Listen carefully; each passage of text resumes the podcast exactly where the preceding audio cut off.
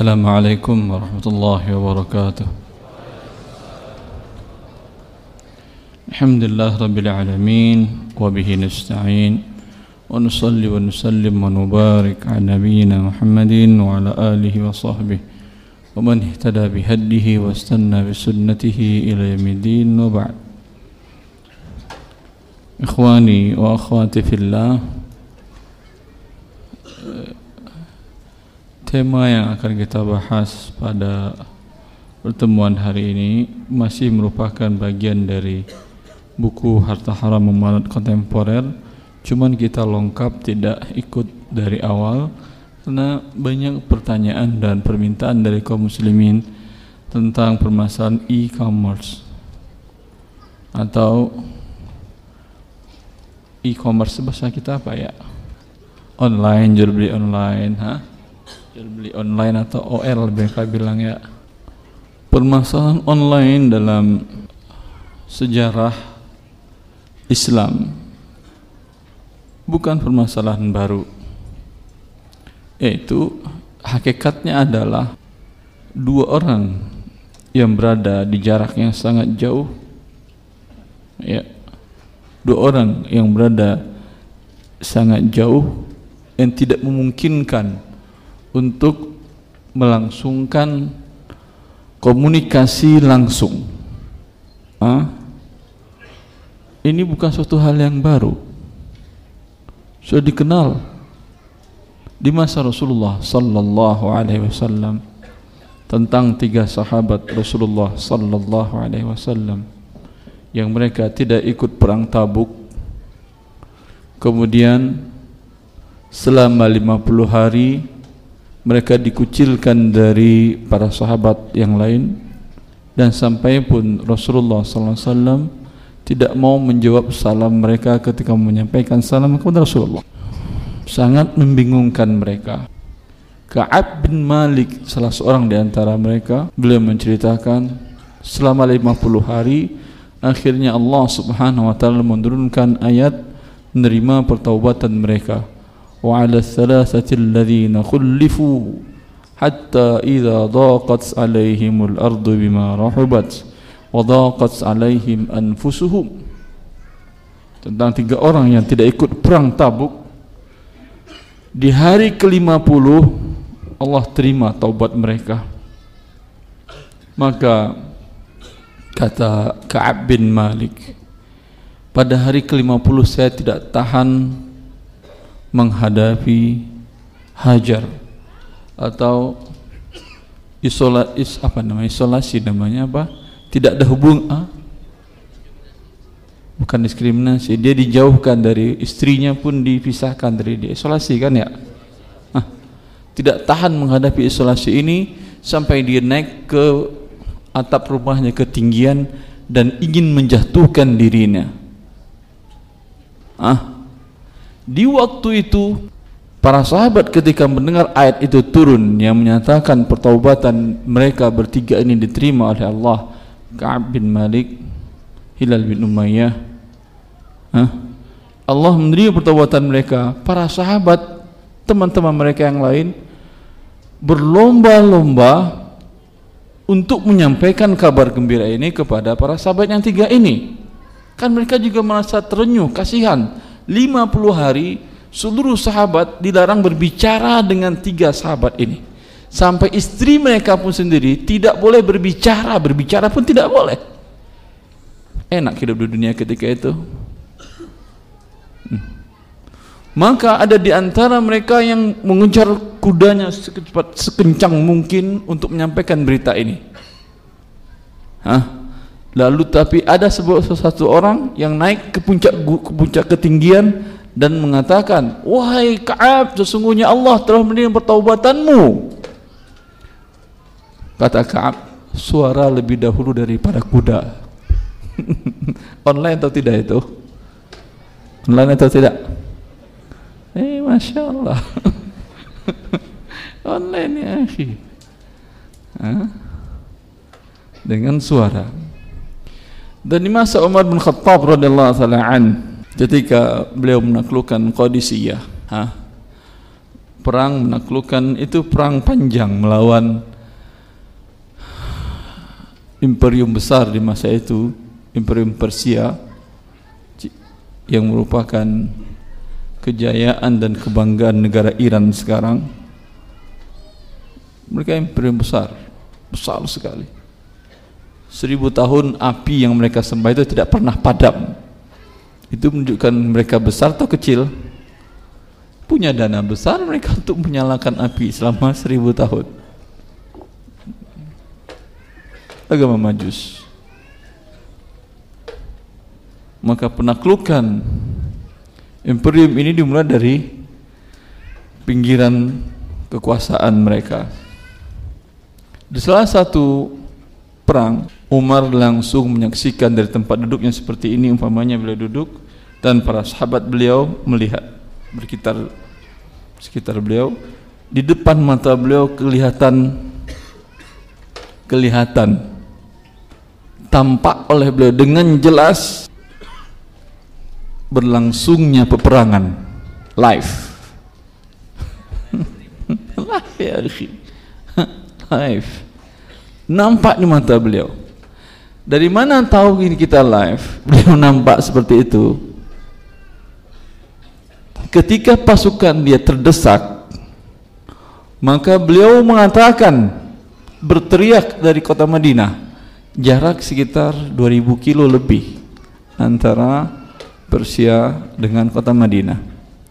Beliau mengatakan 2000 kilo Jakarta ke mana itu? Sulawesi lebih Surabaya ke Arab Saudi itu 9000 kilo kalau pesawat. Dari 2000 kilo sampai ke mana sudah itu? Singapura nggak ada apa 90 kilo ya.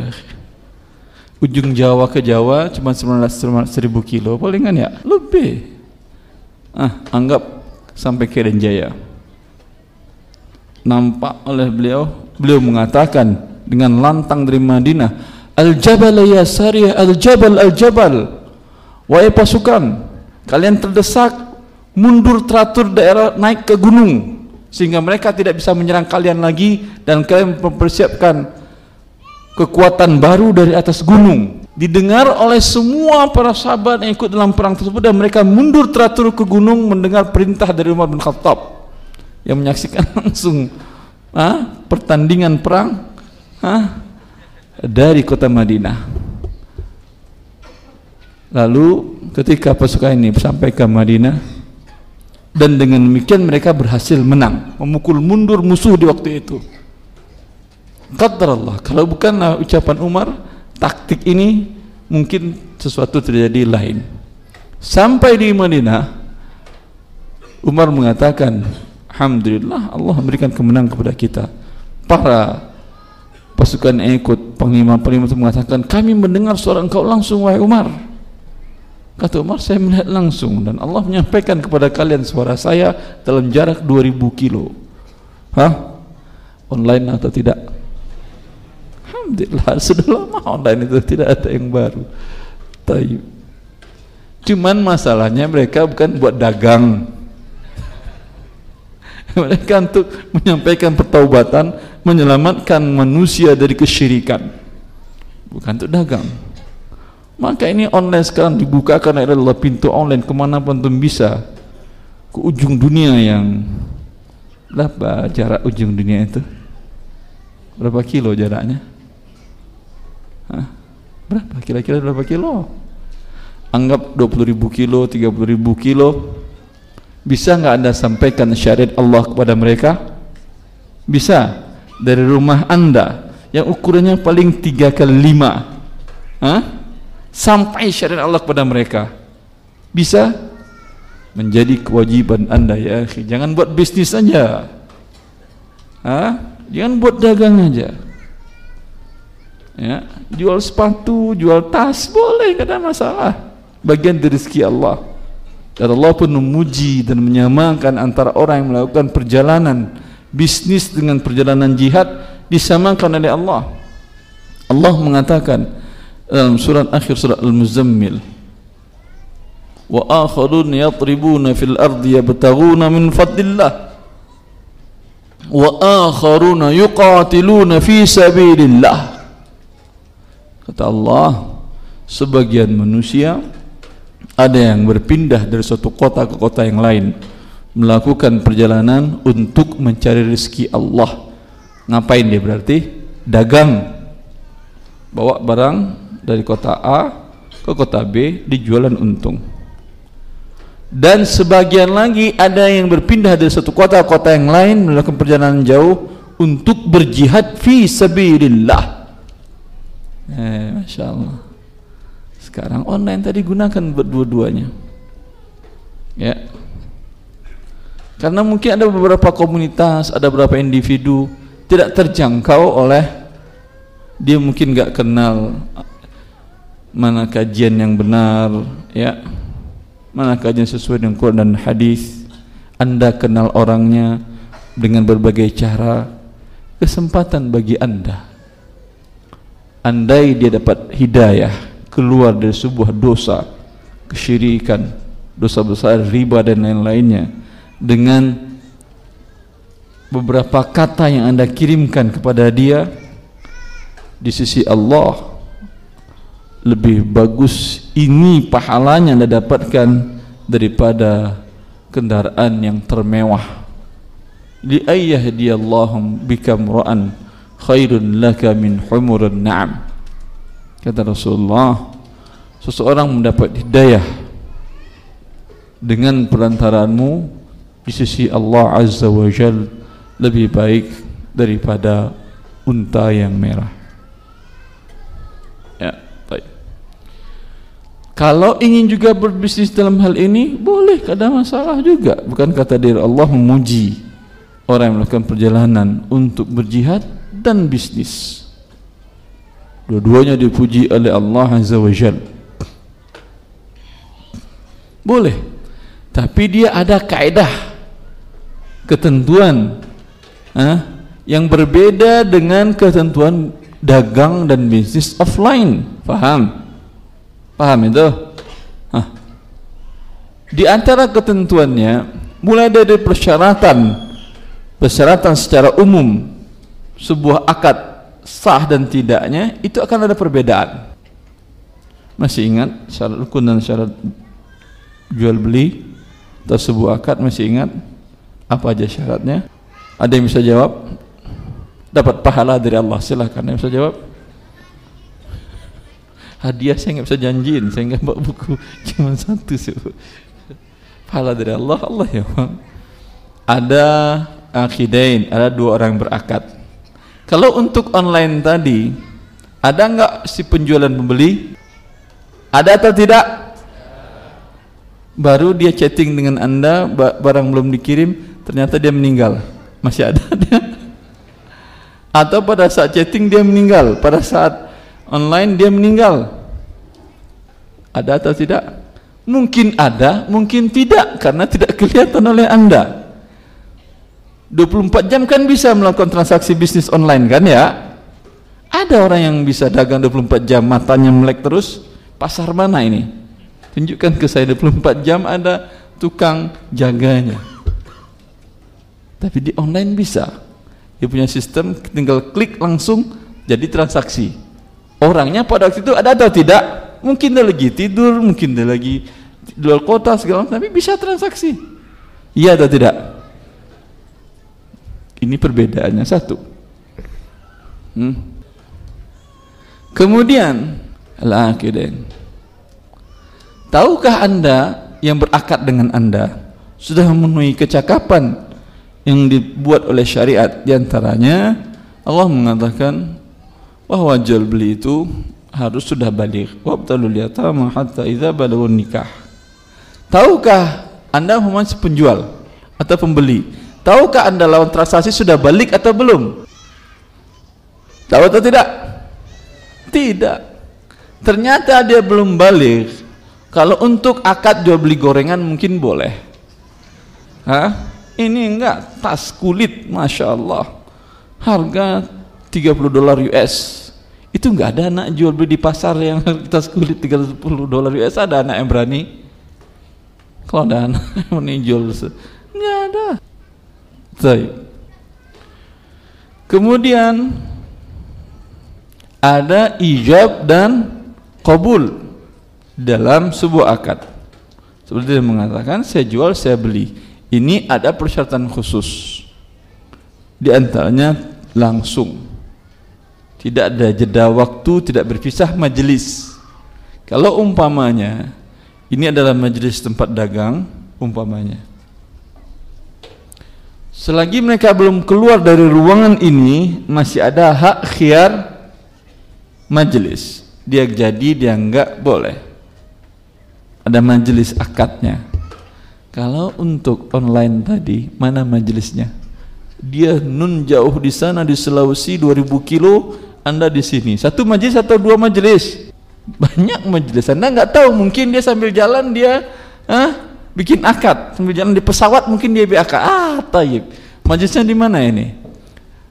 di atas Laut Jawa atau di atas Sulawesi atau di atas mana lagi Semarang atau di atas mana mana majelisnya sedangkan yang satu mungkin di rumahnya di Jakarta ada majelisnya eh, ini permasalahan baru juga kemudian untuk barangnya dan ini yang paling bermasalah di dalam sah dan tidaknya untuk barang yang disyaratkan serah terima tunai dalam tukar menukar perdagangan akad contohnya apa apa yang disyaratkan tunai oleh Rasulullah? Emas, masya Allah. Terus apa lagi? Perak, apa lagi? Garam, masya Allah garam betul. Gandum dengan dua bentuknya, syair dan bur satu lagi apa? Korma.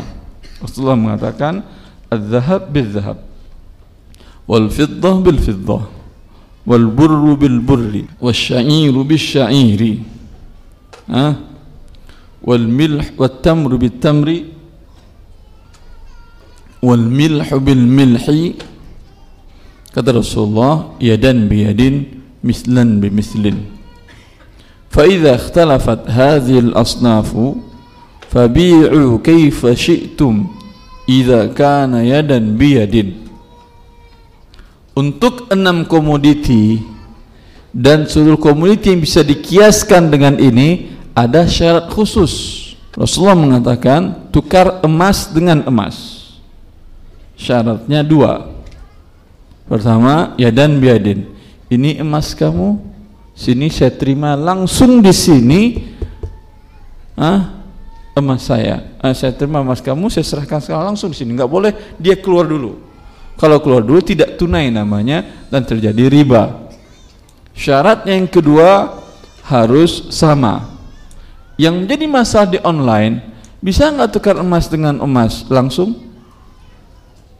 bisa masuk dia ke dalam apa namanya gelombang elektromagnetik itu emasnya tuh sampai ke rumahnya. Masuk lagi gelombang sampai ke mungkin nanti bisa wallahu alam. Yang sekarang tidak ada. Kecuali ada khadamente jin yang bawain bawain sana jin, jin. Tapi nggak bisa juga dalam waktu yang sama. Siapa tahu jinnya di tengah jalan masih di jalan Gatot Subroto, ente sudah keluar dari rumah, bisa majelis. Faham? Ini tidak bisa dengan online. Dikiaskan dengan ini itu sama sejenis. Berbeda jenis tapi satu ilat emas dan perak ilatnya adalah mata uang atau alat tukar. Itu juga harus tunai walaupun tidak harus sama berat dan nominalnya maka mata uang sekarang disamakan dengan itu untuk mata uang bisa enggak online jawab. Bisa? Ah bisa masya Allah betul. Contoh anda berangkat pergi umroh masya Allah Hah? Allah berikan rezeki anda karena semoga Allah berikan kita semuanya kesempatan untuk melakukan ibadah ini. Ya. menjawab perintah Allah dan panggilan Nabi Ibrahim muadzin fil nasi bil haji ya'tuka rijala wa ala kulli dhamir ya'tina min kulli fajjin amiq ketika anda berangkat berada di Madinah sampai di Madinah kartu ATM kartu debit yang anda bawa debit yang anda bawa ah, ada uh, tertulis visa di situ. Bisa digunakan di seluruh dunia ini? Bisa. Anda pakai di salah satu anjungan ATM yang ada, anggap namanya Bank Ar-Rajihi Bank Islam di sana. Anda gesek, tekan angka. Yang keluar apa? Rupiah atau rial? Uang uang Anda apa tadi? Rupiah atau rial? Yang keluar sekarang apa? Iya betul. Kalau keluar rupiah takut Anda. Masya Allah ada rupiah. Ini dari mana rupiahnya? Jangan-jangan palsu segala macam. Alhamdulillah yang keluar real. Ini tukar rupiah tabungan Anda dengan real yang dikeluarkan oleh anjungan ATM Bank Rajihi tadi tunai atau tidak? Buktinya apa tunai? Betul tunai. Buktinya cek langsung rekening rupiah Anda akan berkurang senilai kurs dengan real yang Anda tarik. Iya atau tidak? Alhamdulillah bisa tunai. Tapi kalau emas tadi tidak bisa. Paham ini? Uh, tidak bisa jual beli emas dengan cara online. Ya, mata uang yang lain boleh, masya Allah. Tapi ada beberapa bentuk pengiriman transfer uang. Bagi yang pernah kerja di luar negeri, mungkin dia kirim uang berbentuk dolar kepada istrinya. Mamanya dia kirim 1000 dolar US ke istrinya di di mana? Jakarta atau di mana? Jalha, bukan di Indonesia.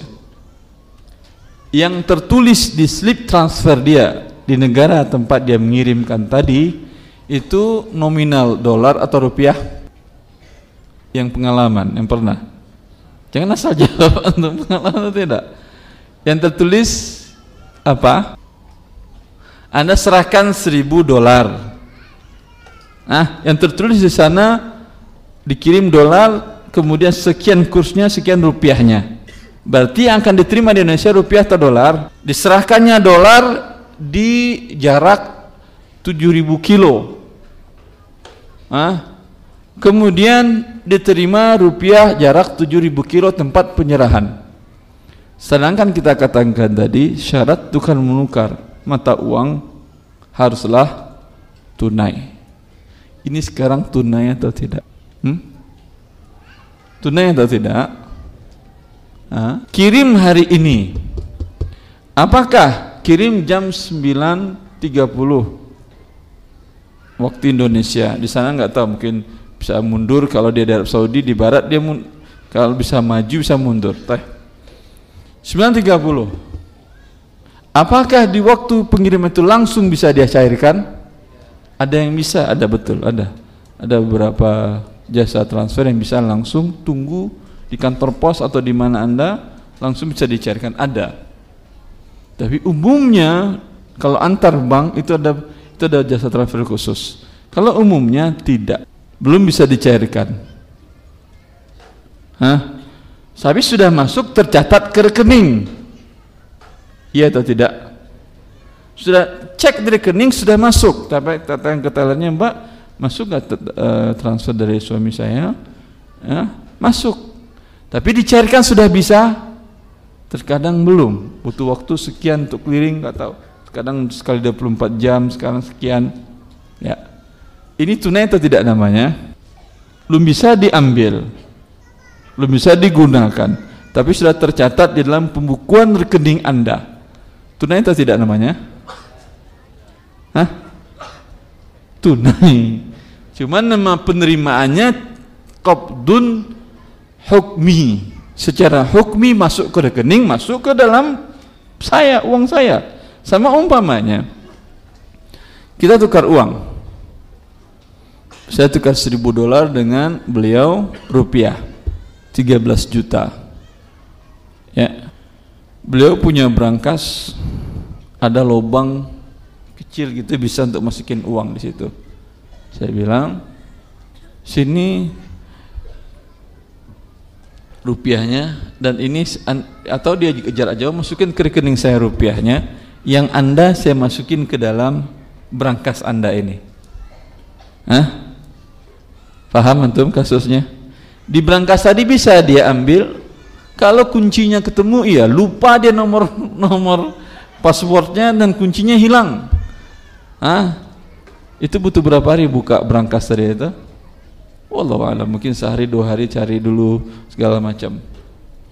Belum sudah bisa dipakai uangnya belum tapi sudah masuk ke pemilikan dia. Sudah tunai atau tidak? Sama dengan yang tadi. Jelas atau itu Masya Allah ini untuk komoditi al-mabi' objek yang diperjualbelikan tadi. Untuk enam komoditi ini ada syarat khusus tadi tunai dan tidak tunainya. Untuk komoditi lain seperti menukar rupiah dengan tas menukar tas dengan kacamata menukar baju dengan rupiah menukar celana dengan dolar.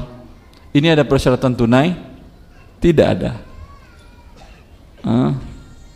yang persyaratan tunai itu satu satu jenis atau satu ilatnya seperti sama-sama mata uang sama-sama makan pokok.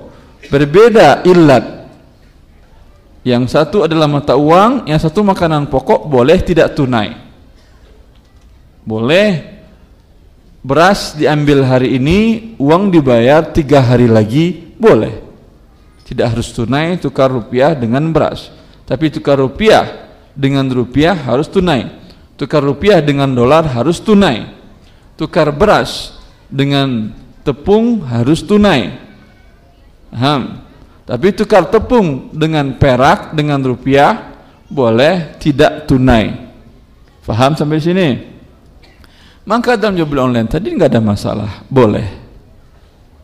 Tapi permasalahan lanjutan dari persyaratan akad yang lain terpenuhi atau tidak.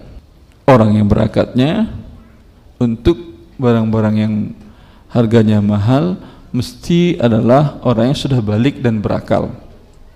Tapi biasanya orang yang bisa melakukan transaksi dengan via online, anak-anak bisa. Bisa juga. Bisa kalau gitu berbahaya ini. Jangan-jangan ini yang membeli anak-anak.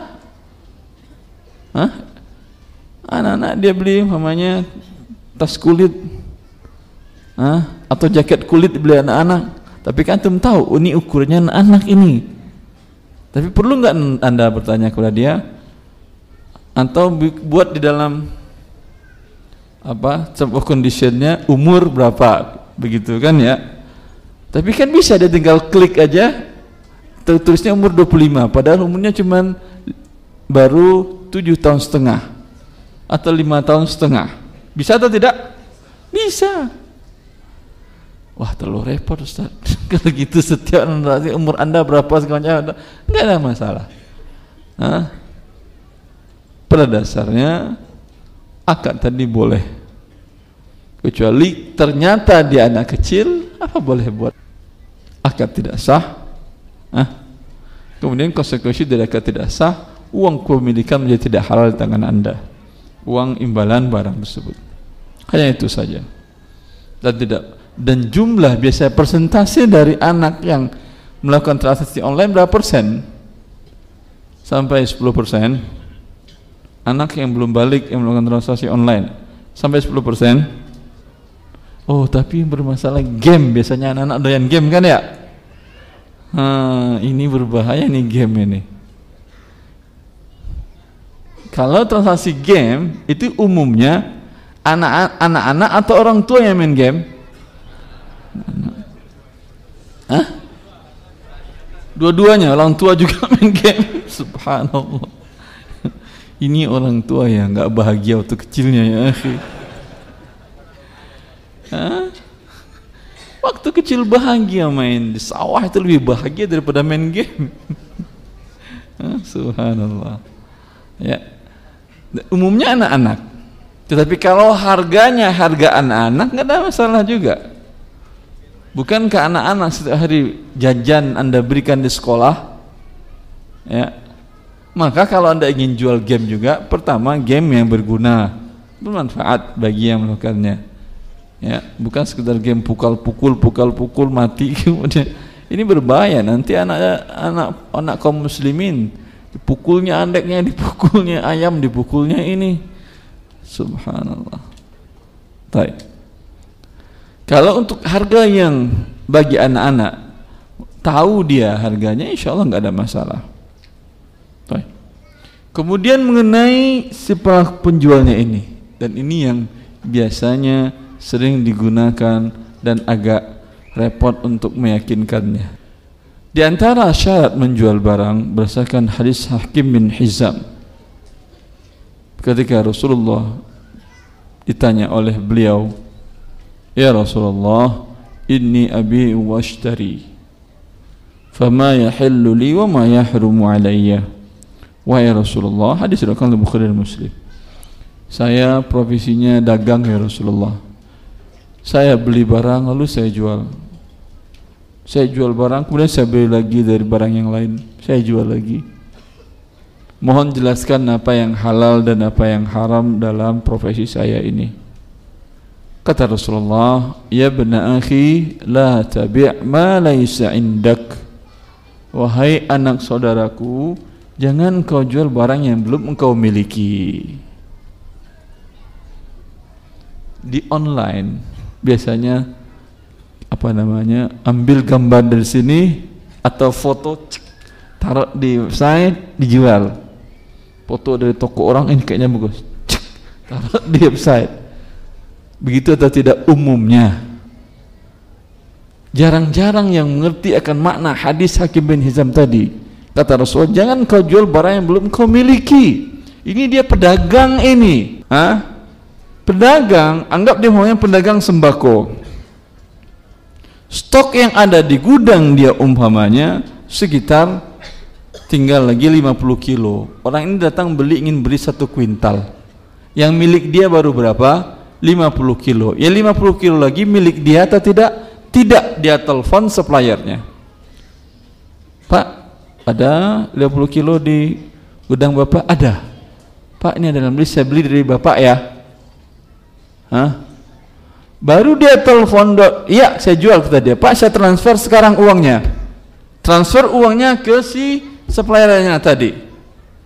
Hah? Sudah menjadi dia barang tersebut? Belum. Ada lagi persyaratan yang kedua yaitu diterima barang. Karena hadis yang tadi la tabi' ma jangan jual barang belum jadi milikmu. Dalam hadis yang lain la tabi'hu hatta taqbidahu. Wahai Hakim bin Hizam, jangan engkau jual barang yang telah engkau beli tapi belum diterima. Permasalahannya permasalahan risiko. Bila pedagang tidak ada risiko sama dengan riba. Ini dikatakan oleh Ibn Abbas ketika kenapa dilarang menjual barang yang sudah dibeli tadi kan sudah telepon sudah akad sudah transfer malah kan ya tapi barang masih di tangan pedagang. Kata Rasul kata Ibn Abbas itu yang terjadi uang dengan uang barang masih tangan pedagang supplier. Mana uang dengan uang? Baru dia transfer uang ke pedagang umpamanya ditransfernya 5 juta. Kemudian diambil uang dari si pembeli berapa? 4 juta. Rugi dia berarti dagang. Berapa? Anggap 6 juta. Untung dia berapa? 1 juta. Yang terjadi apa? Tukar uang 5 dengan 6 Barang masih di tangan si supplier Ini yang terjadi ya tukar menukar uang riba namanya Dan ini yang terjadi di bursa yang dikatakan oleh para ulama riba dan judi Jual beli di pusat bursa komoditi Berpindah seratus tangan, seribu tangan, sejuta tangan Beli, jual, beli, jual, naik, jual lagi, beli, naik, jual murah beli naik jual naik barang entah di mana. Sehingga ketika barang dieksekusi ini harga sudah tinggi barang eksekusi tidak ada hasilnya. Ini yang menjadi yang menghancurkan ekonomi pada 2009 namakan dengan bubble gelembung angkanya tapi ketika eksekusi tidak ada barangnya barangnya tidak sampai segitu harganya ini dikatakan para ulama dengan judi dan riba tadi Hmm, ini yang paling sering terjadi di jual beli online.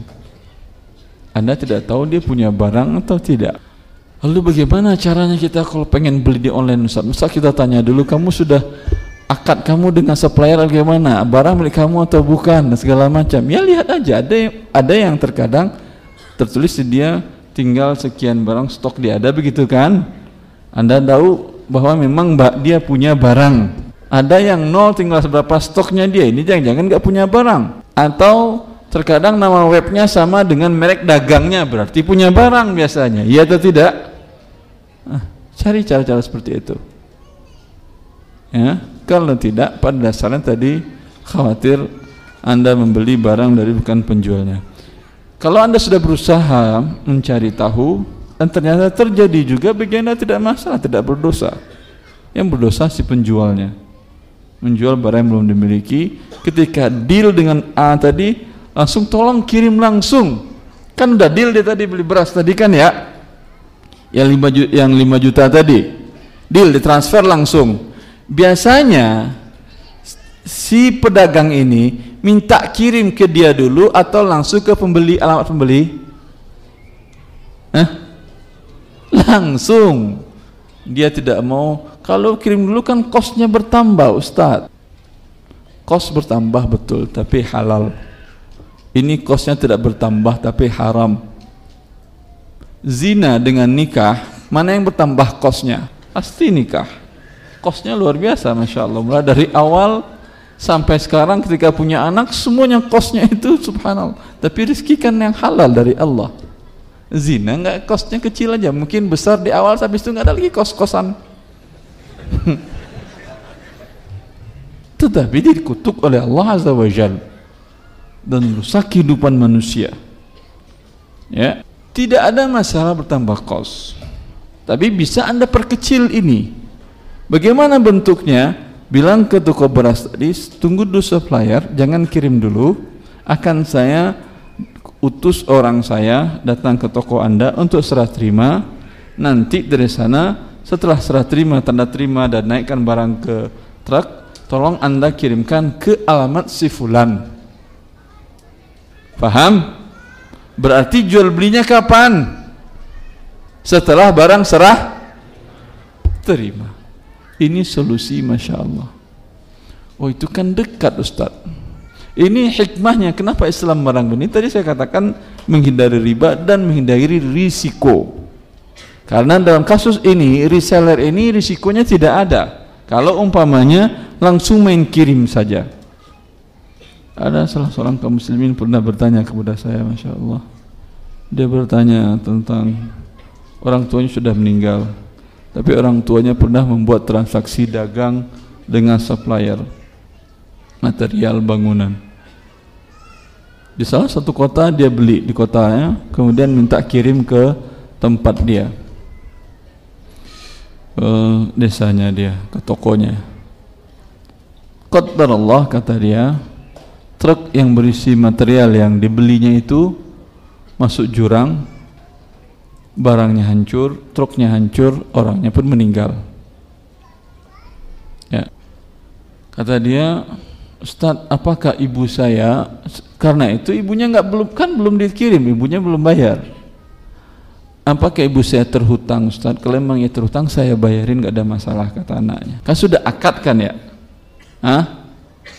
saya katakan apakah truk sopir itu orangnya ibu anda atau orangnya si penjual kan bisa jadi dikirimnya truk untuk biaya lebih murah segala macam negonya silahkan saya jual harga sekian tapi ambil di tempat kan bisa ada gitu kan ya kalau saya ngirimin harganya sekian kan biaya jasa lagi kan dia pikir-pikir kata dia kata dia uh, truk dan sopirnya itu milik si penjual Ustaz. Ah, kalau gitu orang tua Anda terbebas dari hutang. Kenapa? Belum serah terima. Kalau belum serah terima, berarti tidak ada risiko di pembeli kan belum jadi milik dia. Ini milik masih si penjual, risiko masih di penjual. Faham? Oleh karena risiko masih di penjual, karena itu Islam mengharamkan si pembeli ini untuk menjual kembali.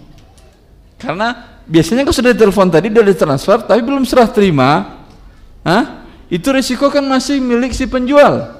Kebakaran gudangnya tetap dia harus kamu kirim lagi karena barang belum saya terima. Sedangkan dia sudah jual lagi.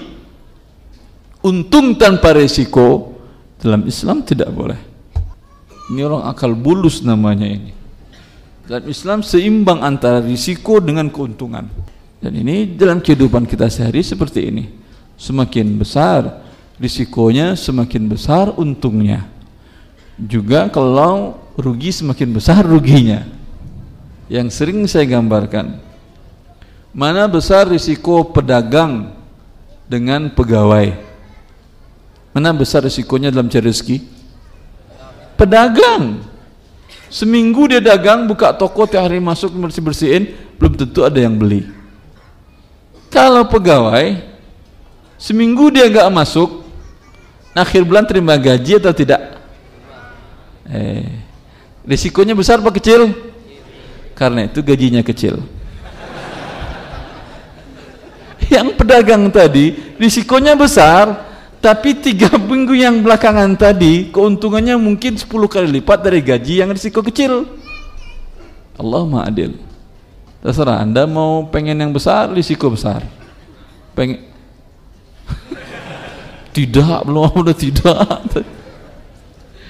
Allah balik Cukuplah saya kira ya Sudah 40 menit penyampaian Silahkan kalau ada pertanyaan Ustaz Ini ada titipan dari pihak gedung Pertanyaan Pihak Pihak gedung Manajemen Masya Allah ya, manajemen. ya. Jadi pertanyaannya Assalamualaikum warahmatullahi wabarakatuh Assalamualaikum warahmatullahi wabarakatuh Bagaimana perhitungan zakat untuk hasil pertanian yang nilainya di bawah modalnya? Ah, sebentar. Ini pertaniannya apa? Padikah, sawitkah, gabah, karet? Ah? Gabah. Padi. Padi. padi. padi. Ah, tay. Hasil padinya berapa kilo?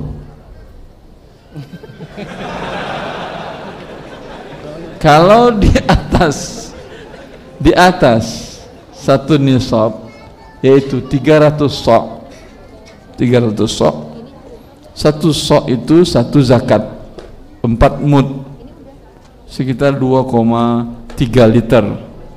Hah? kalau dikonversikan dengan berat mungkin bisa 2 kilo setengah 2 kilo koma 6 tergantung basah kepadatannya dan basah dan tidaknya. Berarti kalau umpamanya 2 dua setengah dikali 300 750 kilo. Paham? Walaupun rugi tetap bayar zakat Artinya 750 kilo biaya. Kalau dijual umpamanya dapat uang sekitar 30 juta.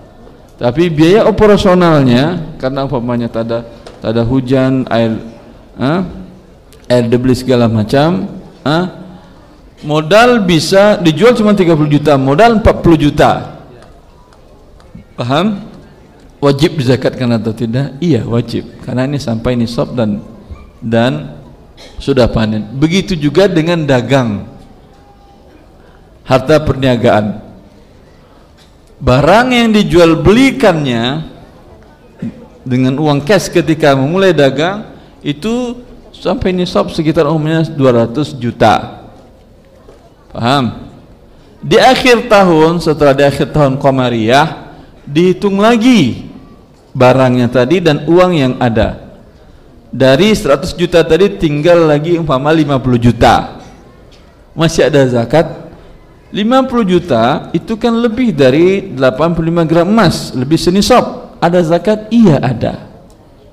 Tapi dari yang 50 bukan dari yang 100 dua setengah persen dari 50 kan kecil. Paling 1,2 setengah juta. Bukan dari 100 juta dikeluarkan jelas. Sampaikan kepada yang bertanya. Nanti bila taufik. Dan insya Allah jangan khawatir anda. Wah ini saya rugi mah kena zakat lagi. Kalau tidak anda bayar rugi selama-lamanya anda. Rugi dunia dan rugi akhirat. Kalau anda bayar Allah akan tumbuhkan zakat anda, perdagangan anda. Mana min sadaqah. Kata Rasulullah tidak ada harta berkurang dengan disedekahkan. Dan ini real. Real. Bukti dan kenyataan. Orang yang bersuka bersedekah rezekinya dibukakan Allah dari berbagai pintu jalan. Dan tidak akan miskin dia. Dahulu waktu kuliah di Arab Saudi ada seorang kaya raya di sana yang punya bank Islam di situ. Zakatnya untuk mahasiswa saja sekitar 1.250 real. Berapa miliar itu? 4 miliar. Itu yang buat mahasiswa aja belum yang lainnya. Jadi miskin dia? Enggak jadi makin kaya dia. Itu buat zakatnya 3 miliar dia keluarkan untuk mahasiswa saja mahasiswa asing yang kuliah di situ. Belum lagi yang untuk yang lain-lainnya. Dulu waktu terjadi gempa di Aceh kalau tidak salah dia kirim sekitar 150 miliar. Hibah bukan pinjaman. Hibah bukan pinjaman. Kalau negara-negara lain biasanya pinjaman dan berbunga riba. Itu bukan bantuan. Allah mengatakan itu kehancuran. Assalamualaikum warahmatullahi wabarakatuh. Waalaikumsalam warahmatullahi wabarakatuh. Ustadz profesi saya arsitek dan juga pemborong Masya Allah. Uh, Kebetulan saya ada beberapa Arsitek dan sekalian Gus punya developer gitu. Iya. Developer juga tapi. Iya. Eh. Dan saya suka uh, mendapatkan pekerjaan seperti bangun salon gitu Ustaz. Suka apa? Dapat proyek salon bikin salon untuk kecantikan kayak gitu Ustaz. Eh. nah kira-kira itu hasil yang didapat haram atau halal Ustaz? Bentar. Di desain desain dan bangunnya Ustaz bangun bangun rumah salon kecantikan iya, iya. rumah salon kecantikan ini maksiat atau bukan mak salon kalau di negara beda-beda negara kali ya. Setahu saya di Arab Saudi biasa perempuan datang ke salon, laki-laki datang ke salon, bahkan ya asal tidak ada maksiat di sana ya. tidak ada masalah. Salonnya salon umum, Ustaz. Sebentar, salon Indonesia secara umum apa saja yang dilakukan di situ? Potong rambut. Potong rambut boleh. Mewarnai rambut. Terus Mewarnai rambut boleh, bukan? bapaknya Abu Bakar, buku Hafah rambutnya diwarnai jadi warna katam warna agak kuning kemerah-merahan. Boleh. Tidak apa-apa Ustaz ya. Hah? yang tidak, itu boleh? Ada lagi yang enggak boleh? Tidak sel uh, selama ini sih yang yang oleh potong alis. Nah. Uh, kemudian apa lagi? Alis mana? Ini, ini apa ini? Bulu mata. Larang alis. Hah? Ini diharamkan Hah? kemudian kikir gigi mutafallijat kalau kikir gigi ada di salon nggak ada kan ya? Ada. Ada salon? Tidak ada kan ya? Ada. Ya. Bila ini kalau paling sekitar 5% yang haram, 90%-nya halal. Hukum asalnya adalah lil ghalib. Bagi yang mayoritas. Boleh insyaallah taala. Ustaz. Allah barik. Jazakallah Ustaz. Allah salam. Satu ibu-ibu langsung. Ya, Assalamualaikum warahmatullahi wabarakatuh. Uh, pertanyaannya apakah GoPay termasuk dalam riba?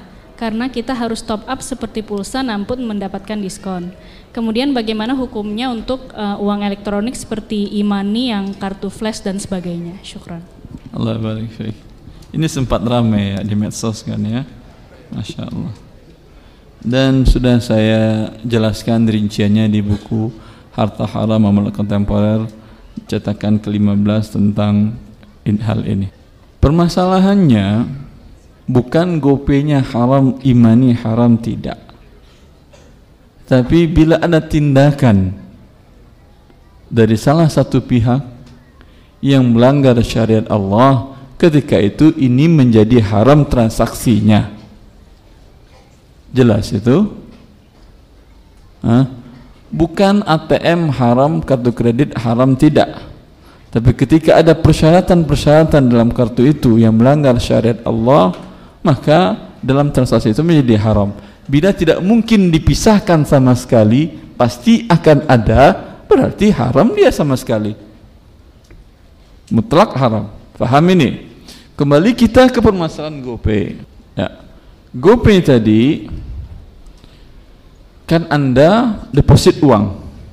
Ya atau tidak? Deposit uang ini artinya apa? Akadnya apa? Meminjamkan bukan beli jasa dia karena belum ada transaksi jasa baru ngirimkan uang ketika masuk ke rekening perusahaan GoPay tadi sudah bisa nggak dia gunakan uangnya itu dia akad pinjaman bukan akad jual beli jasa Kalau jual beli jasa seperti pulsa, tidak deposit namanya, langsung dibayar pulsa.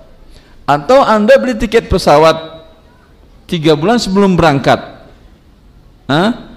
deposit namanya atau beli tiket? Beli tiket namanya, tidak deposit namanya. Bisakah Anda minta program deposit ke salah satu penerbangan maskapai penerbangan di Indonesia umpamanya maskapai yang terkenal Garuda. Garuda saya sering kerja ke antar pulau segala macam atau ada bisnis segala macam. Khawatir saya nanti pada waktunya rekening saya kosong.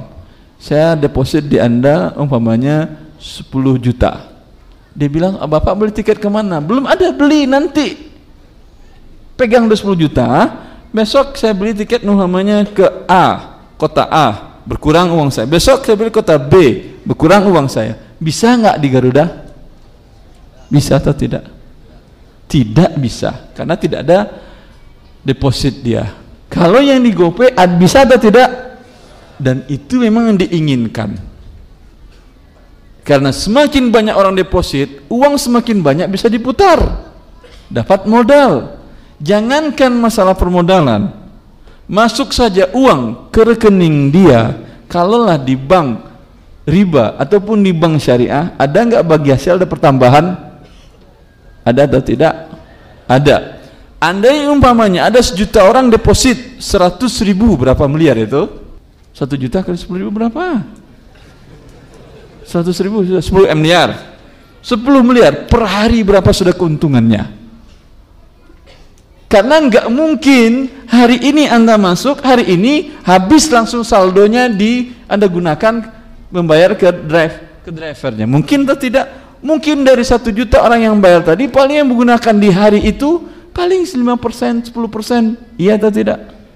Itu keuntungan yang luar biasa.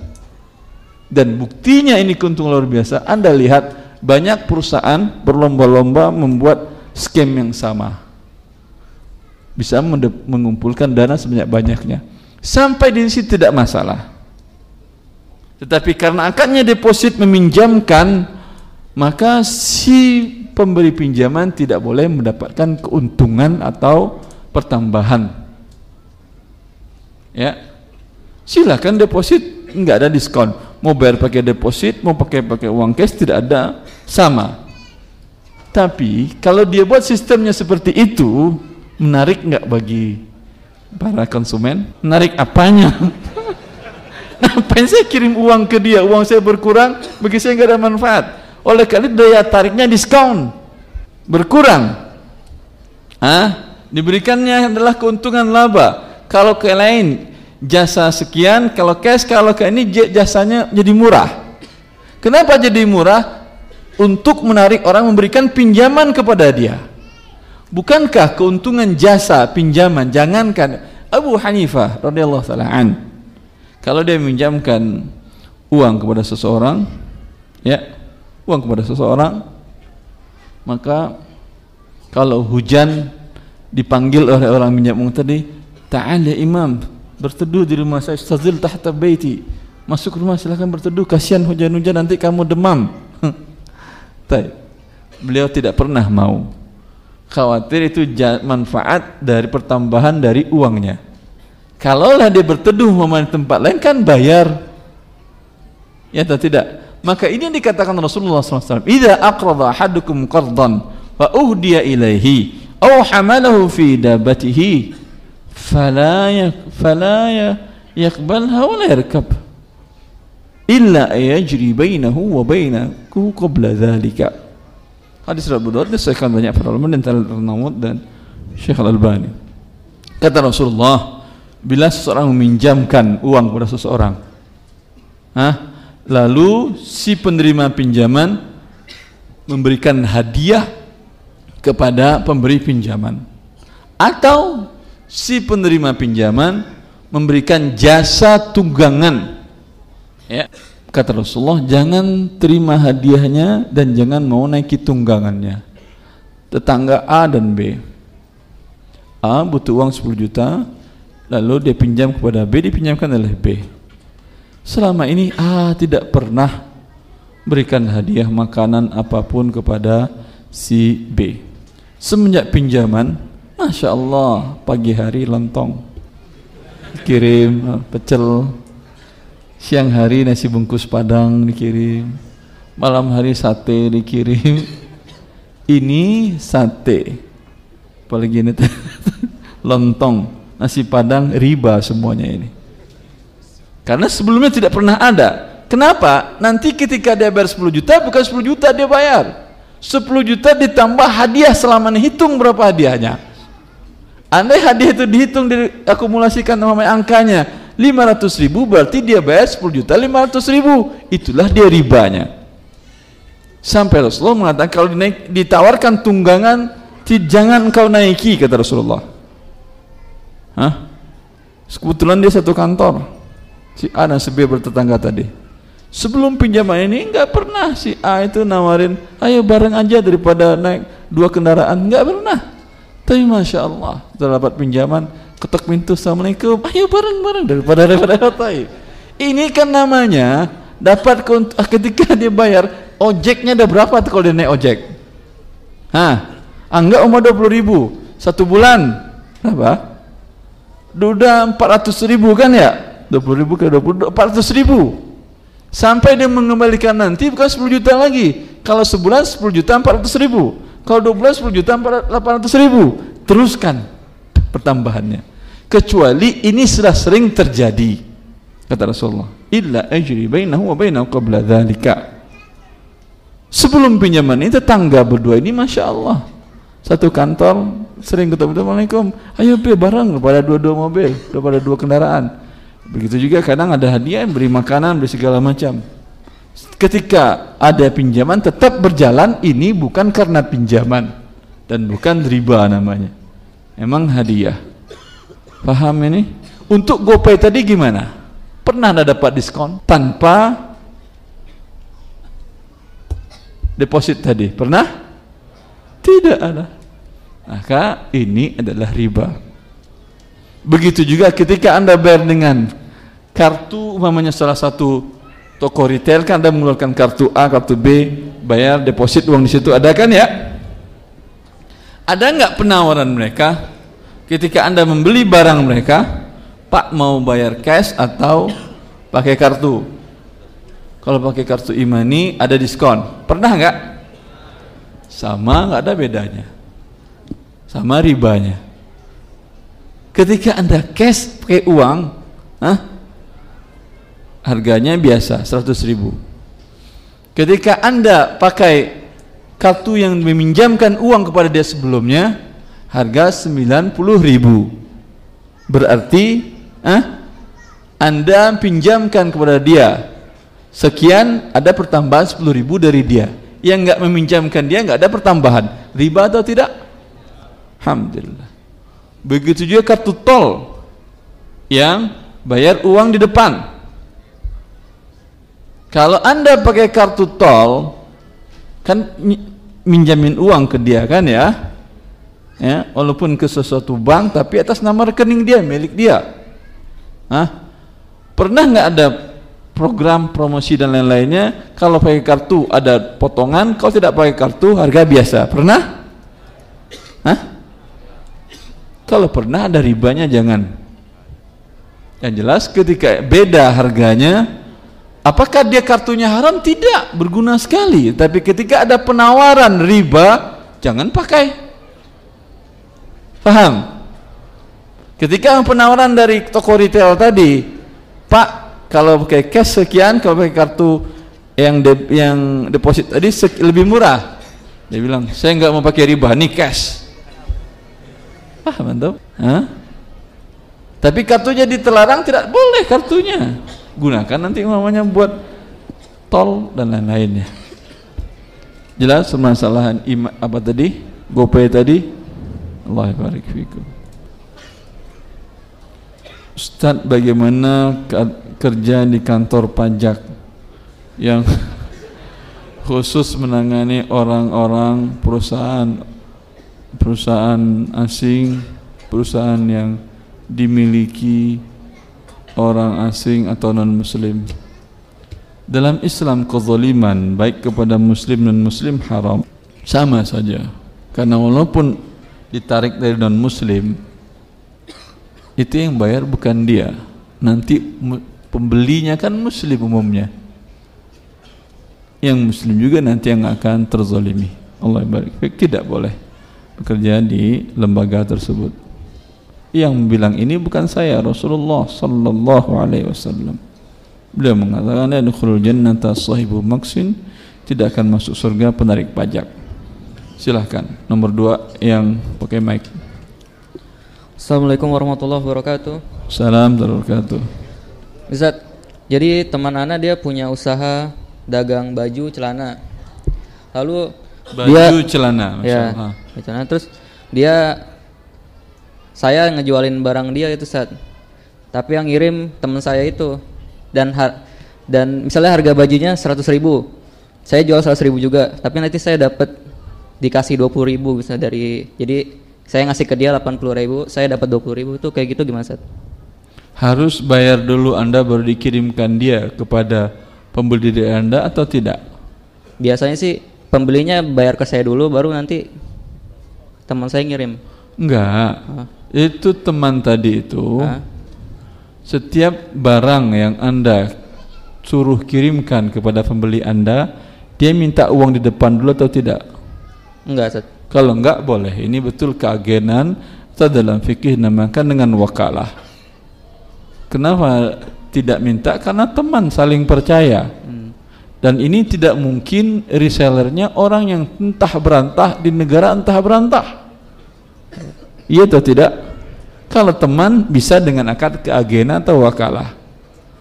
Ya, eh, itu halal akad wakalah.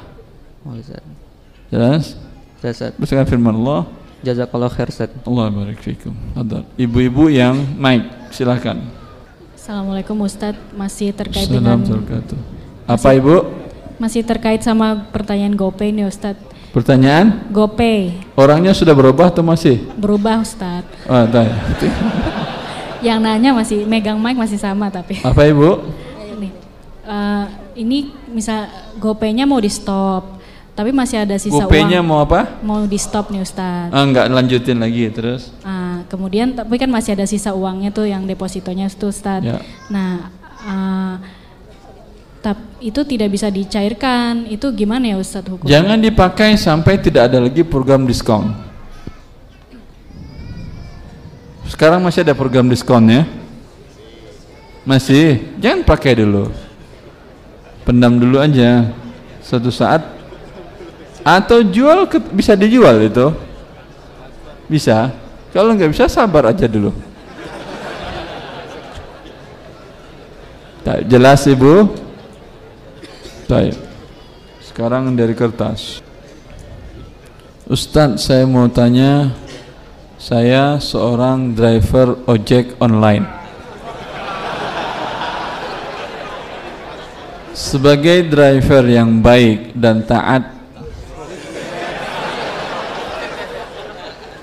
sesuai peraturan perusahaan termasuk mengikuti peraturan perusahaan untuk tidak diperbolehkannya menggunakan memodifikasi aplikasi ojek online tetapi sebagian kerabat dan teman-teman seprofesi saya banyak yang memodifikasi dan menambahkan aplikasi supaya dapat orderan banyak. Pertanyaan saya, apa hukumnya jika kita mencari rezeki dengan memodifikasi aplikasi supaya dapat order banyak, tetapi dari perusahaan tidak diperbolehkan? Apa hukumnya jika konsumen atau penumpang membayar dengan kartu kredit karena diperbolehkan dari perusahaan? Pertama, al-muslimuna ala syurutihim orang muslim itu mereka itu selalu memenuhi persyaratan yang dibuat. Selagi perbuatan persyaratannya tidak maksiat wajib anda penuhi. Allah mengatakan ya ayyuhalladzina amanu aufu bil uqud. Wahai orang beriman penuhi akad kalian. Anda berakad tadi tidak boleh dirusak sebelum begini-begini. Lalu sekarang anda modifikasi anda rusak. Ya tidak halal anda mendapatkan rezeki dari sini jelas itu. Allah taala kemudian permasalahannya sekarang yang kita lihat di media massa dan dalam kenyataannya ribut antara transportasi online ini dengan transportasi konvensional. Iya atau tidak? Sampai saling bunuh. Permasalahannya sebetulnya kembali kita merujuk kepada fikih syariat Allah ya di dalam buku Artam saya bahas ini. Kenapa transportasi konvensional itu marah kepada yang online? Kenapa? Apakah karena aplikasinya atau karena harganya murah? Harga murah. Pertanyaannya secara syariat Allah boleh nggak kita jual barang atau jual basa, jasa murah di bawah harga standar? Nggak boleh gratis boleh nggak gratis? Gratis. Astagfirullah. Umpamanya. Hah? Si A masya Allah. Ada. Ada pengusaha yang kaya di Arab Saudi itu setiap hari Jumat silahkan kaum muslimin yang mau makan siang di rumah beliau di rumahnya. Yang punya bank Islam tadi itu gratis. Terkadang dia makan Jumat bareng kaum muslimin ada yang kaya, ada yang miskin, ada yang teman, ada tetangga dan entah dari mana datang aja makan. Kadang sampai 300 orang, 400 orang. Gratis boleh nggak ini? Itu nggak ada rumah makan yang demo nggak ada. Kamu gara-gara gratis orang nggak belanja lagi ke kita nggak ada. Hai. maka pada dasarnya menjual harga di atas harga pasar pembahasannya lain. Sekarang menjual barang dan jasa di bawah harga pasar boleh atau tidak atau memberikan diskon ya. Khilaf para ulama dalam hal ini. Sebagian para ulama dan di mazhab Malik Imam Malik rahimahullah beliau mengatakan tidak boleh menjual barang di bawah harga pasar atau memberikan diskon tidak boleh. Mana dalilnya? Dalilnya adalah hadis Hatib uh, asar dari Umar bin Khattab dalam kasus Hatib bin Abi al-Balta'ah Hatib bin Abi al-Balta'ah ini beliau berdagang kismis di pasar Madinah. Anggur kering ya. Itu anggur kering makanan pokok itu kena zakat. Beliau berdagang anggur kering di pasar ke Madinah. Beliau menjual harga barang di bawah harga yang lain otomatis apa yang terjadi punya dia laris manis punya orang nggak bergerak dan para pembeli datang ke beliau semuanya Ketika Umar mengetahui Umi, maka Umar khalifah di waktu itu langsung mengambil kebijakan. Ini bedanya. Tanpa rapat parlemen, tanpa ini, tanpa ambil sidang pendapat, tanpa langsung ambil keputusan. Begitu berjalan kemaslahatan kaum muslimin. Rapat sebulan dua bulan nggak selesai orang sudah saling bunuh. Nanti ketika hasil rapat jadi udah pada mati rakyatnya. Mana tadi lagi keputusan A orang udah pada mati nggak ada lagi transportasi. Cepat Umar datang dan mendatangi hati Abil Balta'ah sambil marah. Bawa tongkat dulu mengatakan ah maaf ini bersiar sambil tongkat dulu mengatakan irfa atau terfa'in sukina naikin harga kamu kalau enggak kamu naik angkat kakimu dari pasar ini. Jangan jualan. Oh subhanallah. Karena Umar melihat Tindakan dia ini merugikan pedagang yang lain. Hah? Cepat dia ambil tindakan. Karena kalau tidak Mungkin nanti datang pedagang lain lagi Bawa kismis di bawah harga dia lagi. Bawah harga dia lagi. Hati bin Abil Balta'ah Sebagai sahabat Rasulullah yang Rasulullah pernah mewasiatkan kepada kita kaum muslimin semuanya agar mentaati waliul amr. Perintah waliul amr kata beliau baik amirul mukminin saya tidak pilih menaikkan harga saya tapi saya pilih angkat kaki dari pasar Madinah. Dikumpulinya barang dagangnya dibawanya ke rumah. Apa yang terjadi? Pindah pasar ke rumahnya. Orang datang ke rumahnya beli Enggak ada masalah. Ketika di rumah dia masih bisa Umar melarang, tidak itu rumah dia bukan pasar. Hak dia mau menjual murah atau memberikan gratis malah. Maka kemudian di dalam dalam Imam Malik juga dijelaskan kemudian Umar radhiyallahu taala rujuk dari kebijakan beliau tadi beliau datang Hatib bin Abil Balta'ah dan mengatakan wahai Hatib aku usir engkau dari pasar karena aku melihat tindakan kamu itu bisa merusak pedagang yang lain tetapi sekarang yang terjadi saya tidak bisa lagi meng, apa, mengontrolnya. Ya. Dan perbuatan menjual murah adalah suatu perbuatan yang baik. Silahkan kau dagang lagi. Ya. Maka dalam hal ini pendapat yang terkuat pendapat jumhur perlam boleh jual barang di bawah harga pasar. Karena memang membawa dampak kepada para pedagang. Kerugian bagi bagian pedagang barangnya lambat lakunya. Tapi menguntungkan pembeli. Pembeli itu adalah rakyat banyak. Mana banyak pembeli dan pedagang? Pastinya pembeli dalam kaidah syariat yutahammal ad-dararul khas lidaf'i ad-dararil am. Sekarang ada kalau harga pasar Hah? yang dapat mudarat harga tinggi dapat mudarat siapa? Rakyat jumlahnya banyak pembeli. Kalau harga murah eh, yang dapat manfaat keuntungan rakyat yang banyak tadi kemudian sebagian kecil orang yaitu para pedagang mendapat mudarat. Dalam keadaan syariat boleh melakukan mudarat terkena sekelompok orang tetapi tetapi menguntungkan banyak orang jelas itu pendapat Umar bin Khattab tetapi semua para ulama sepakat kalau diskon yang dibuat itu tujuannya adalah ingin menghancurkan pasar memonopoli ini hukumnya haram. Paham? Kalaulah hati bin Abi al-Balta' atau pedagang makanan pokok dan kebutuhan manusia atau umpamanya pemilik SPBU yang mereka ini adalah bisa memonopoli, ha? punya kekuatan besar, stok yang banyak, dan kemampuan untuk mematikan lawan.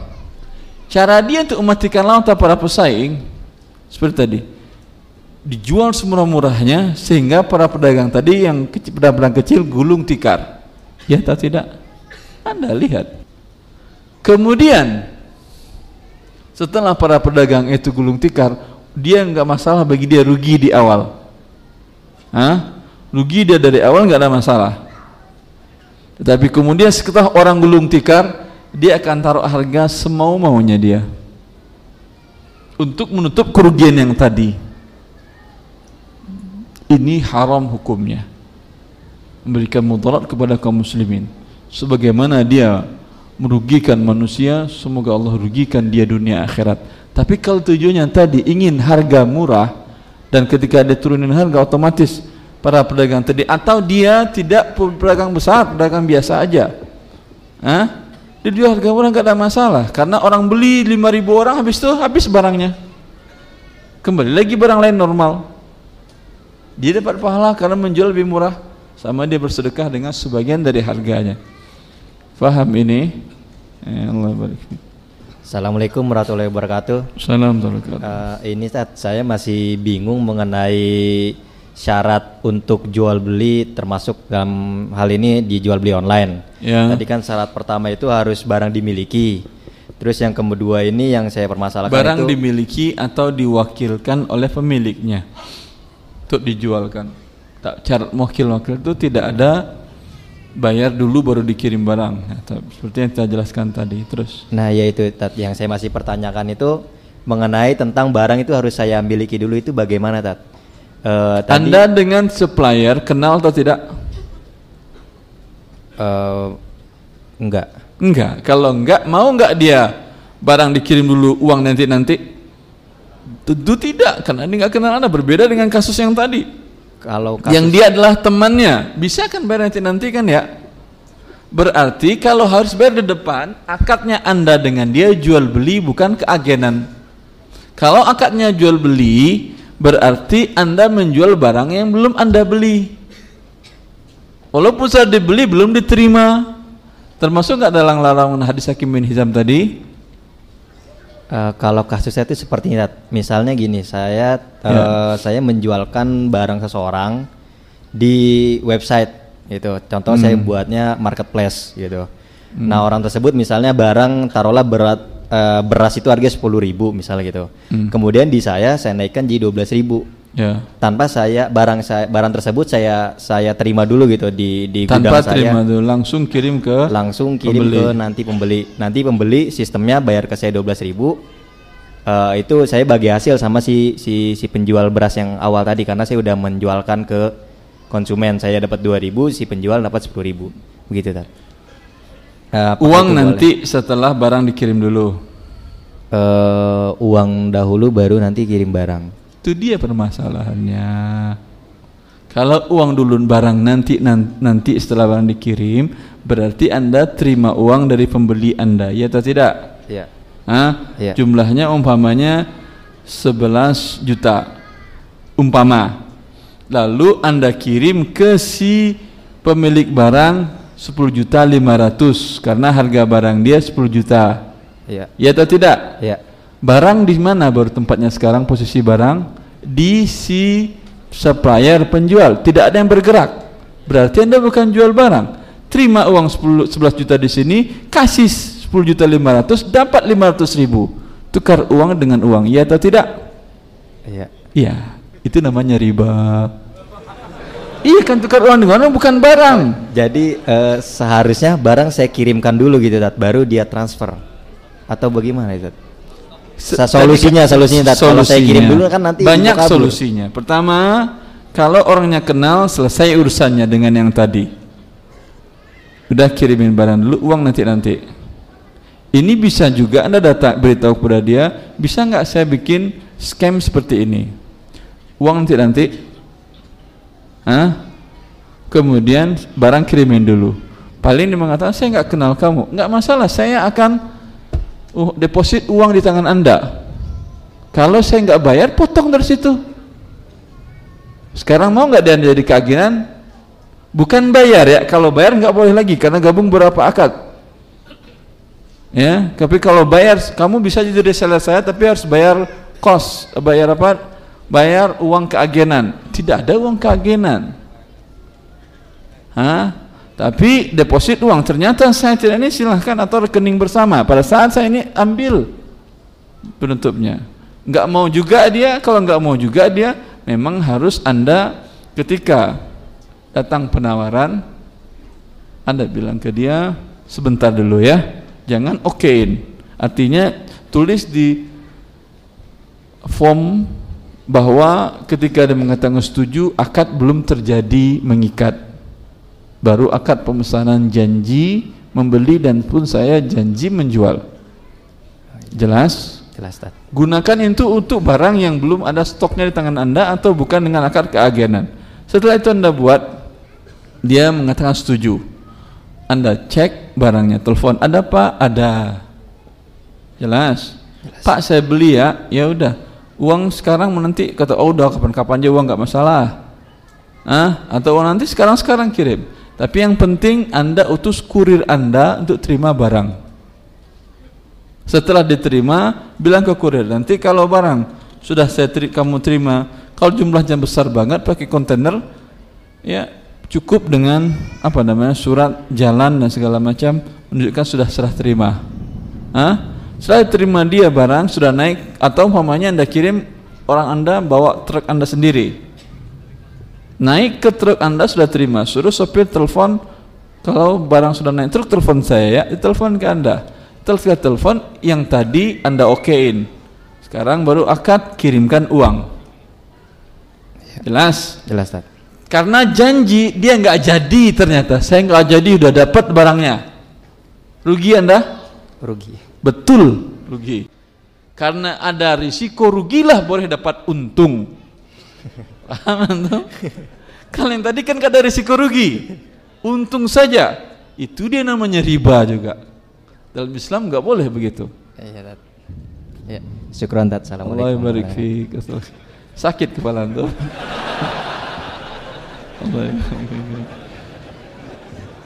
Enggak mudah agama Allah diturunkan oleh Allah untuk memudahkan hidup kita, bukan untuk mempersulit hidup kita. Wa ma ja'ala 'alaikum fid dini min haraj. Allah tidak menjadikan dinnya ini untuk membuat kita susah. Silakan Ibu. Assalamualaikum Ustaz. Assalamualaikum Bagaimana ah, jika dalam kita jual... sampai jam 3 kali ya. 3 seperempat sholat. Seperempat jam buat siap-siap mau sholat. Jam 3 insya Allah. Setengah jam. Silakan Ibu. Bagaimana jika dalam jual beli online uang telah ditransfer ke penjual, tapi kondisi barang penjual diberi... Penjual atau pembeli Ibu? Penjual. Uh, sayangnya pembeli. Uang sudah transfer maksudnya? Iya, sudah ditransfer ke penjual. Ke penjual. Iya, ke ah. penjual. Ah. Tapi kondisi sudah ditransfer penjual. Ah. Tapi kondisi barang yang diberikan itu nyicil. Misalnya saya beli 100 kodi, tapi yang di, udah ditransfer uh, uangnya sebanyak 100 kodi, tapi dikirim ke saya baru 50 kodi. 50 kodinya nanti minggu depan gitu karena belum diproduksi lagi. Itu bagaimana hukumnya Ustadz? Harganya sama atau lebih murah? Sama. Eh, tapi dikirim barangnya nyicil. Boleh, tapi bu rugi. Iya Karena kan? stoknya nggak ada. Uang cash di depan, barang belakangan itu lebih mahal atau sama atau lebih murah? Sama. Enggak biasanya, biasanya di pasar. Ibu beli tiket berangkat hari ini. Ibu beli tiket berangkat 10 hari lagi, sebulan lagi. Sama harganya atau lebih murah yang mana?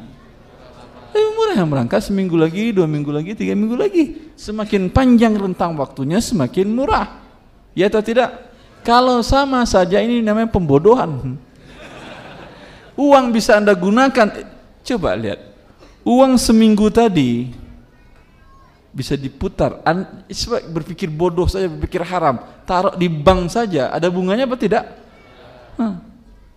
Apalagi kalau anda putar dalam bentuk usaha real akan banyak keuntungannya ini. Lalu harganya sama. Ini namanya kan bodoh. Dia sudah untung dapat uang Anda, kemudian Anda tidak dapat keuntungan harga murah.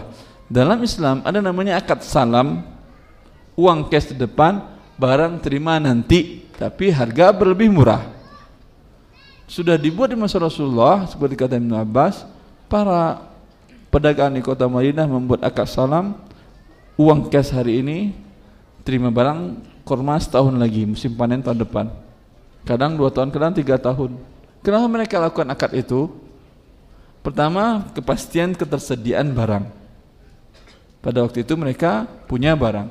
Kedua dapat harga lebih murah. Ya atau tidak? Dia kebalikan dari jual beli kredit tidak tunai. Barang duluan uang belakangan sama atau lebih mahal pasti lebih mahal. Kalau sama, alhamdulillah. Beli rumah harga 100 juta, cicil sama 10 tahun, harganya sama dengan cash. Ada yang mau beli cash?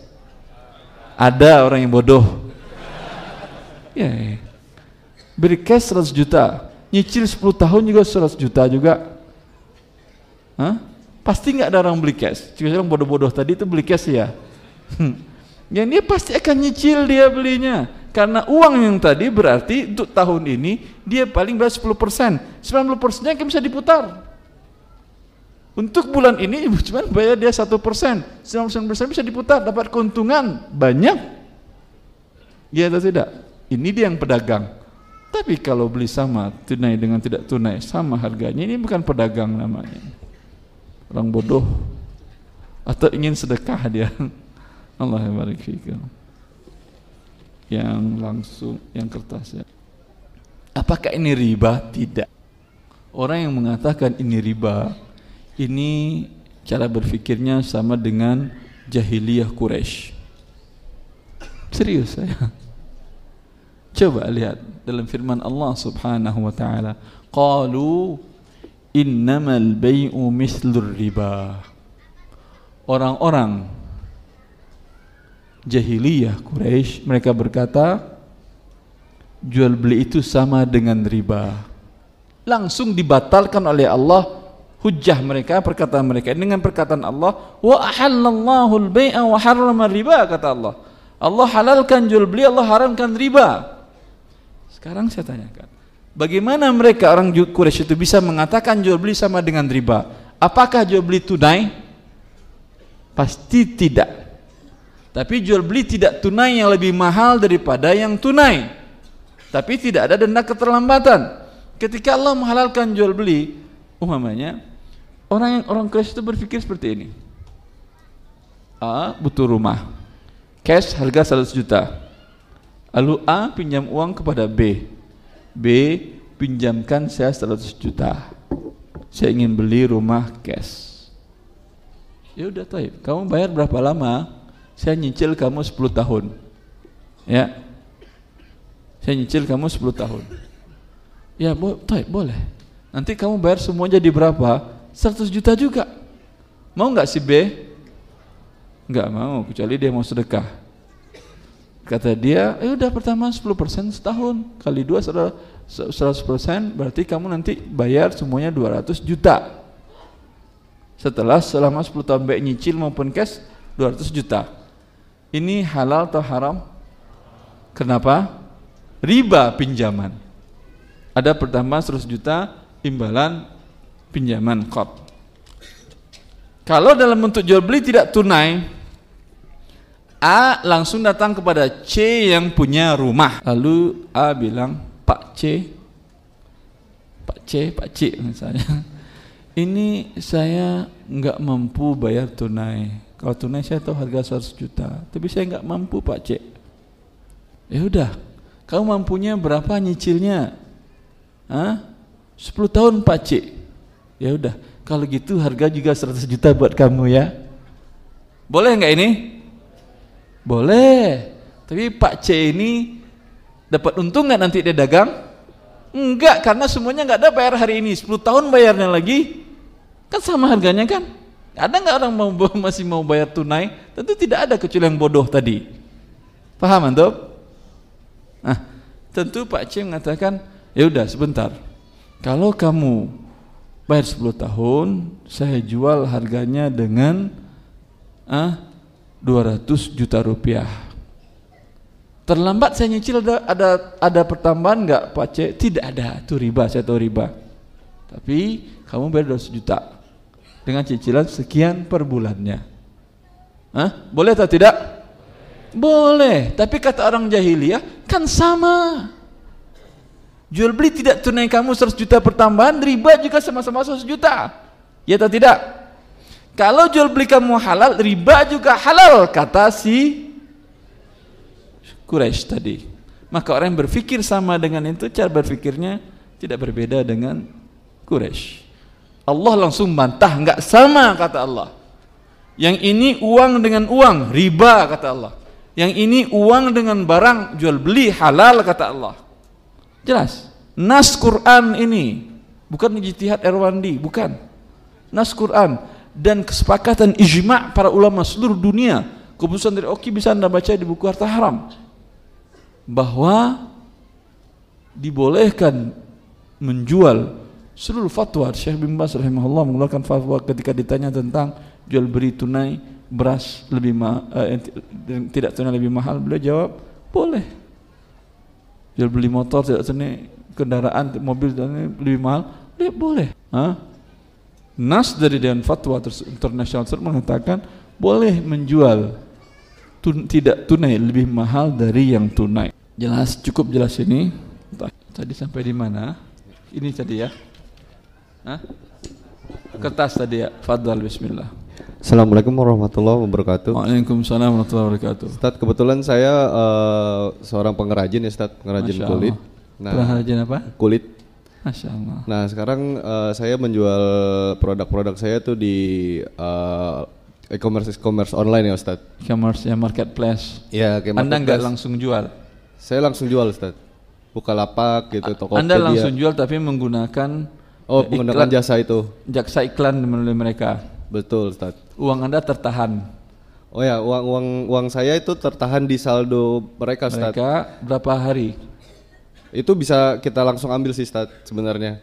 Jadi misalnya kalau ada barang terjual uh, hari ini terjual gitu ya, malam itu bisa saya langsung ambil gitu, saya langsung withdraw. Bisa. Bisa langsung withdraw. Saat anda sampai barang, bisa langsung terima uang pada saat itu. Bisa. Terima uang lebih dulu juga bisa. terima uang lebih dulu uh, masuk kan masuk. kalau seperti tadi bisa seperti Bu itu nanya bayar uang sekarang barang serahkan nyicil selama sebulan Oh, nggak bisa start. Nggak bisa. Nggak bisa. Eh, Jadi harus ada konfirmasi terima barang dulu dari si pembeli, baru uang itu masuk ke saya, start. Ditahan uang anda oleh dia. Iya betul, start. Kalau uang itu jumlahnya satu triliun, hmm. berapa bunganya buat dia itu? Banyak, start. iya, kalau bunga per hari aja 0,1 persen. Hmm. Ah, sudah satu miliar 0,1 persen seribu ya? Per seratus apa seribu itu? Per seratus ya? 0,001 per seribu, per seribu dapat satu miliar dia. Hmm. nahan sehari dapat satu miliar dia. Hmm. dan dia berharap barang anda nggak nyampe nyampai nah, sehingga uang di tangan dia terus. Hah? hitunglah ya.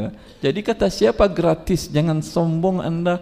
Oh enak di situ gratis. Kata siapa per hari bagi dia dapat sekian hmm. angkanya. Nah, itu kalau, Oleh karena itu Anda membesarkan orang ini. Hmm. Itu kalau dari Saya tahu maksudnya adalah ini agar karena mereka sudah dipercaya orang begitu kan ya? Iya. Ya kan ya? Betul. Berarti Anda tidak dipercaya orang. dipercaya Ustaz. Sampaikan kepada calon konsumen Anda, saya muslim, taat kepada Allah salat lima waktu selama ini tidak pernah syirik kepada Allah. Dan tidak pernah berbuat dosa besar. Muslim salafi. Ah? ah? Dan minta kepada orang yang selama ini bertransaksi dengan anda tolong dong nulis apa gitu testimoni tentang selama ini nggak ada masalah jual beli dengan beliau dan alhamdulillah terkadang kalau ada masalah barang diganti lagi. Pokoknya nyaman. Anda nanti bisa buka lapak baru anda Mati kan lapak-lapak yang iya. sudah ada itu. Jelas tentu? Jelas, Stat. Tapi itu kan hmm. itu dari sisi penjual, Stat. Kalau dari sisi pembelinya, kalau misalnya untuk membeli yang uh, di e-commerce e-commerce seperti itu gimana, Stat? Dia bukan beli ke yang marketplace kan ya? Dia kan beli dengan pemilik barang langsung kan ya? Iya betul. Iya boleh, nggak ada masalah. Cuman masalahnya sekarang adalah si penjualnya dibodohi. Hmm, yes, yes, Stat. Boleh pembodohan Ustaz? Boleh. Kalau mau dibodohi seikhlas mau diapain? Redo dia dibodohi, Alhamdulillah. Ustaz kalau saya jual langsung agak lambat penjualannya Ustaz gitu kan ya. Memang di awal, namanya usaha di awal seperti itu. Tapi ketika banyak para pembeli yang berikan testimoni yang baik bukan testimoni bohong hmm. karena iklan juga tidak boleh dengan cara bohong anda minta ah follow terus bayar gitu itu jadi bohong juga nggak boleh. Ya, Allah barik Ibu-ibu silahkan yang langsung pakai mic. Assalamualaikum warahmatullahi wabarakatuh, Ustaz. Assalamualaikum warahmatullahi wabarakatuh, Ibu. Apa hukumnya beli saldo kartu busway di halte busway? Peraturan yang berlaku saat ini, isi saldo di halte busway kena charge 2000. Misalnya kalau isinya kartunya 20.000, maka bayarnya 22.000. Apa? Kalau beli kartu busway itu kena charge dua ribu rupiah Ustadz. Uh, imbalan apa dua ribu rupiah ini? Administrasi uh, pembuatan kartu. Wal, bu, setiap isi pulsa kartu setiap busway, top up setiap diisi top up, dipotong dia dua ribu. Iya, dipotong harus Dipot bayar harus dilebihin. Umumnya anda isi seratus ribu, seratus ribu saldo, bukan seratus ribu bayarnya tapi seratus dua. Ya. Ah gitu. Dua ribu lagi biaya administrasi. Administrasinya real atau tidak ini? Administrasi apa? Nggak tahu. Hah? Di banknya, bank pengen dapat uang di awal. Kalau begini orang nggak mau. Bank itu kalau anda bawa uang, bawa uang ke dia, dia bukan motong tapi ngasih bunga. Kalau dipotongnya real halal tapi dia ngasih bunga riba. Yang riba itu lakukannya. Kalau ini enggak dipotongkan ya. Allah taala. Kalau imbalannya jelas ya imbalannya pada dia diuntungkan dengan uang ini. Prepaid ini kan dia diuntungkan kan ya dengan orang bayar di depan. Kan diuntungkan dia kan ya prepaid tadi kan ya.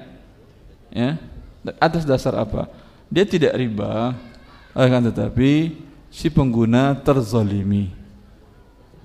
Kalau umpamanya pengguna merasa diuntungin dan merasa tidak masalah lah dizolimi 2000 nggak masalah. Ya. Ya itu jangan-jangan dipotong jajan anak. Karena ibu dipotong orang hari ini jajanmu dipotong juga 2000 Allah barik jelas. Ya sekarang yang dari kertas bolehkah bekerja di Bursa Efek Indonesia sebagai IT deskripsi pekerjaan membantu dalam pe, apa ini penyediaan aplikasi dan perangkat keras untuk mendukung jalannya perdagangan bursa saham. Mohon penjelasan Ustaz. Di bursa itu semua akadnya tidak ada serah terimanya. Dia hanya serah terima tentang selisih harganya saja. Ini sepakat semua para ulama hukumnya perjudian lalu anda buat anda support dengan IT anda judi tadi kan ya tanpa IT anda judinya mati karena IT anda judinya jadi bisa dilakukan dari rumah oleh orang-orang ya. Maka dosanya anda besar ini ya karena gara-gara anda mempermudah sarana perjudian. Fadal yang langsung. Assalamualaikum Ustadz. Assalamualaikum warahmatullahi Jadi Ustadz kalau sebelum daftar universitas itu kan ada biaya pendaftaran. Misalnya yeah. 250 ribu uang administrasi Terus kalau misalnya kita eh kita nggak tahu dulu nih untuk apa uang sebesar itu 250 ribu Ya ada buat kertas, buat yeah. karyawannya nungguin Terus kalau Ustaz, kalau kan nggak datanya nggak datanya nggak bareng-bareng kan? Walaupun bareng-bareng gaji terima orang tuh berapa bayarnya itu? Kalau nggak diterima Ustadz, uangnya nggak kembali Ustadz. Ya tentulah, mereka ada duduk di sini. Nerima Anda ngisi formulir kan dia minta uang lagi. Nggak digaji mereka di sini. Uh, masih Ustadz. Kalau yang kedua Ustadz, eh. jadi universitas saya sekarang itu saya uang BPP pokok itu ada Uang apa? Uang BPP pokok. BPP pokok apa? Jadi uang administrasi juga di dalam pembelajaran itu selama satu semester Bukan gitu, uang Ustaz. kuliah. Ya uang kuliah seperti itu. Uang kuliah terus. Jadi ada waktu waktu waktu tertentu Ustaz misalnya dari bulan Januari sampai bulan April gitu Ustaz diboleh ya. cicil. Boleh nyicil. Ya, jadi apa? Jadi kita belajar dulu nih Ustaz baru bayar belakangan. Bayarnya belakangan apa apa seperti itu boleh. Ya. Kalau terlambat ada denda? Enggak. Eh, ada Ustaz, ada. ini universitas riba ini. Tapi biasanya kalau Iya prinsipnya riba tahu saya. Iya. Kalau di spam saya Ustaz. Spam Jadi apa? kita ngajuin diri nih, saya misalnya kurang apa? Kurang mampu. Ma, iya, kurang mampu bisa di bisa dipanjangin lagi waktunya seperti itu. Dengan dengan pertambahan dipanjangkan iya. lagi. I, riba bertambah ya. Ini dia riba jahiliyah anzirni azidka. Beri masa tenggang saya tambah hutang. Terlambat satu bulan utang sekian, terlambat tiga bulan tambah utang. Itu dia riba dari zaman jahiliyah Quraisy. Universitas Quraisy dengan Jadi solusinya gimana Ustaz? Siapa yang menyuruh Anda kuliah di Universitas Riba? Pernah Allah nyuruh Anda kuliah di situ? Hah? Nggak ada Allah nyuruh Universitas Riba. Untuk menjadi Anda yang Anda inginkan kuliah itu apa? inginkan kehidupan yang nyaman, kemudian terjamin masa depan anak-anak dan istri. Iya atau tidak? Artinya ujung-ujungnya harta. Iya atau tidak? Apakah cari harta dengan kuliah? Salah Anda cara berpikir. Cari harta bukan dengan belajar. Ya. Ada salah seorang teman Masya Allah semoga Allah menjaga beliau terus.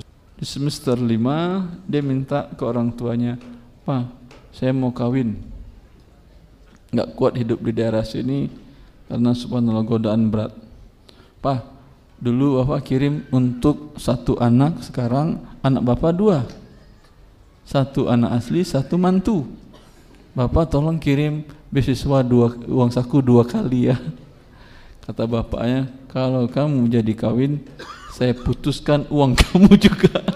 Saya nggak kirim uang lagi. Karena dia merasa ini memberatkan hidup dia dan harus menyelamatkan diri dia dari dosa besar dia tetap nekat nikah.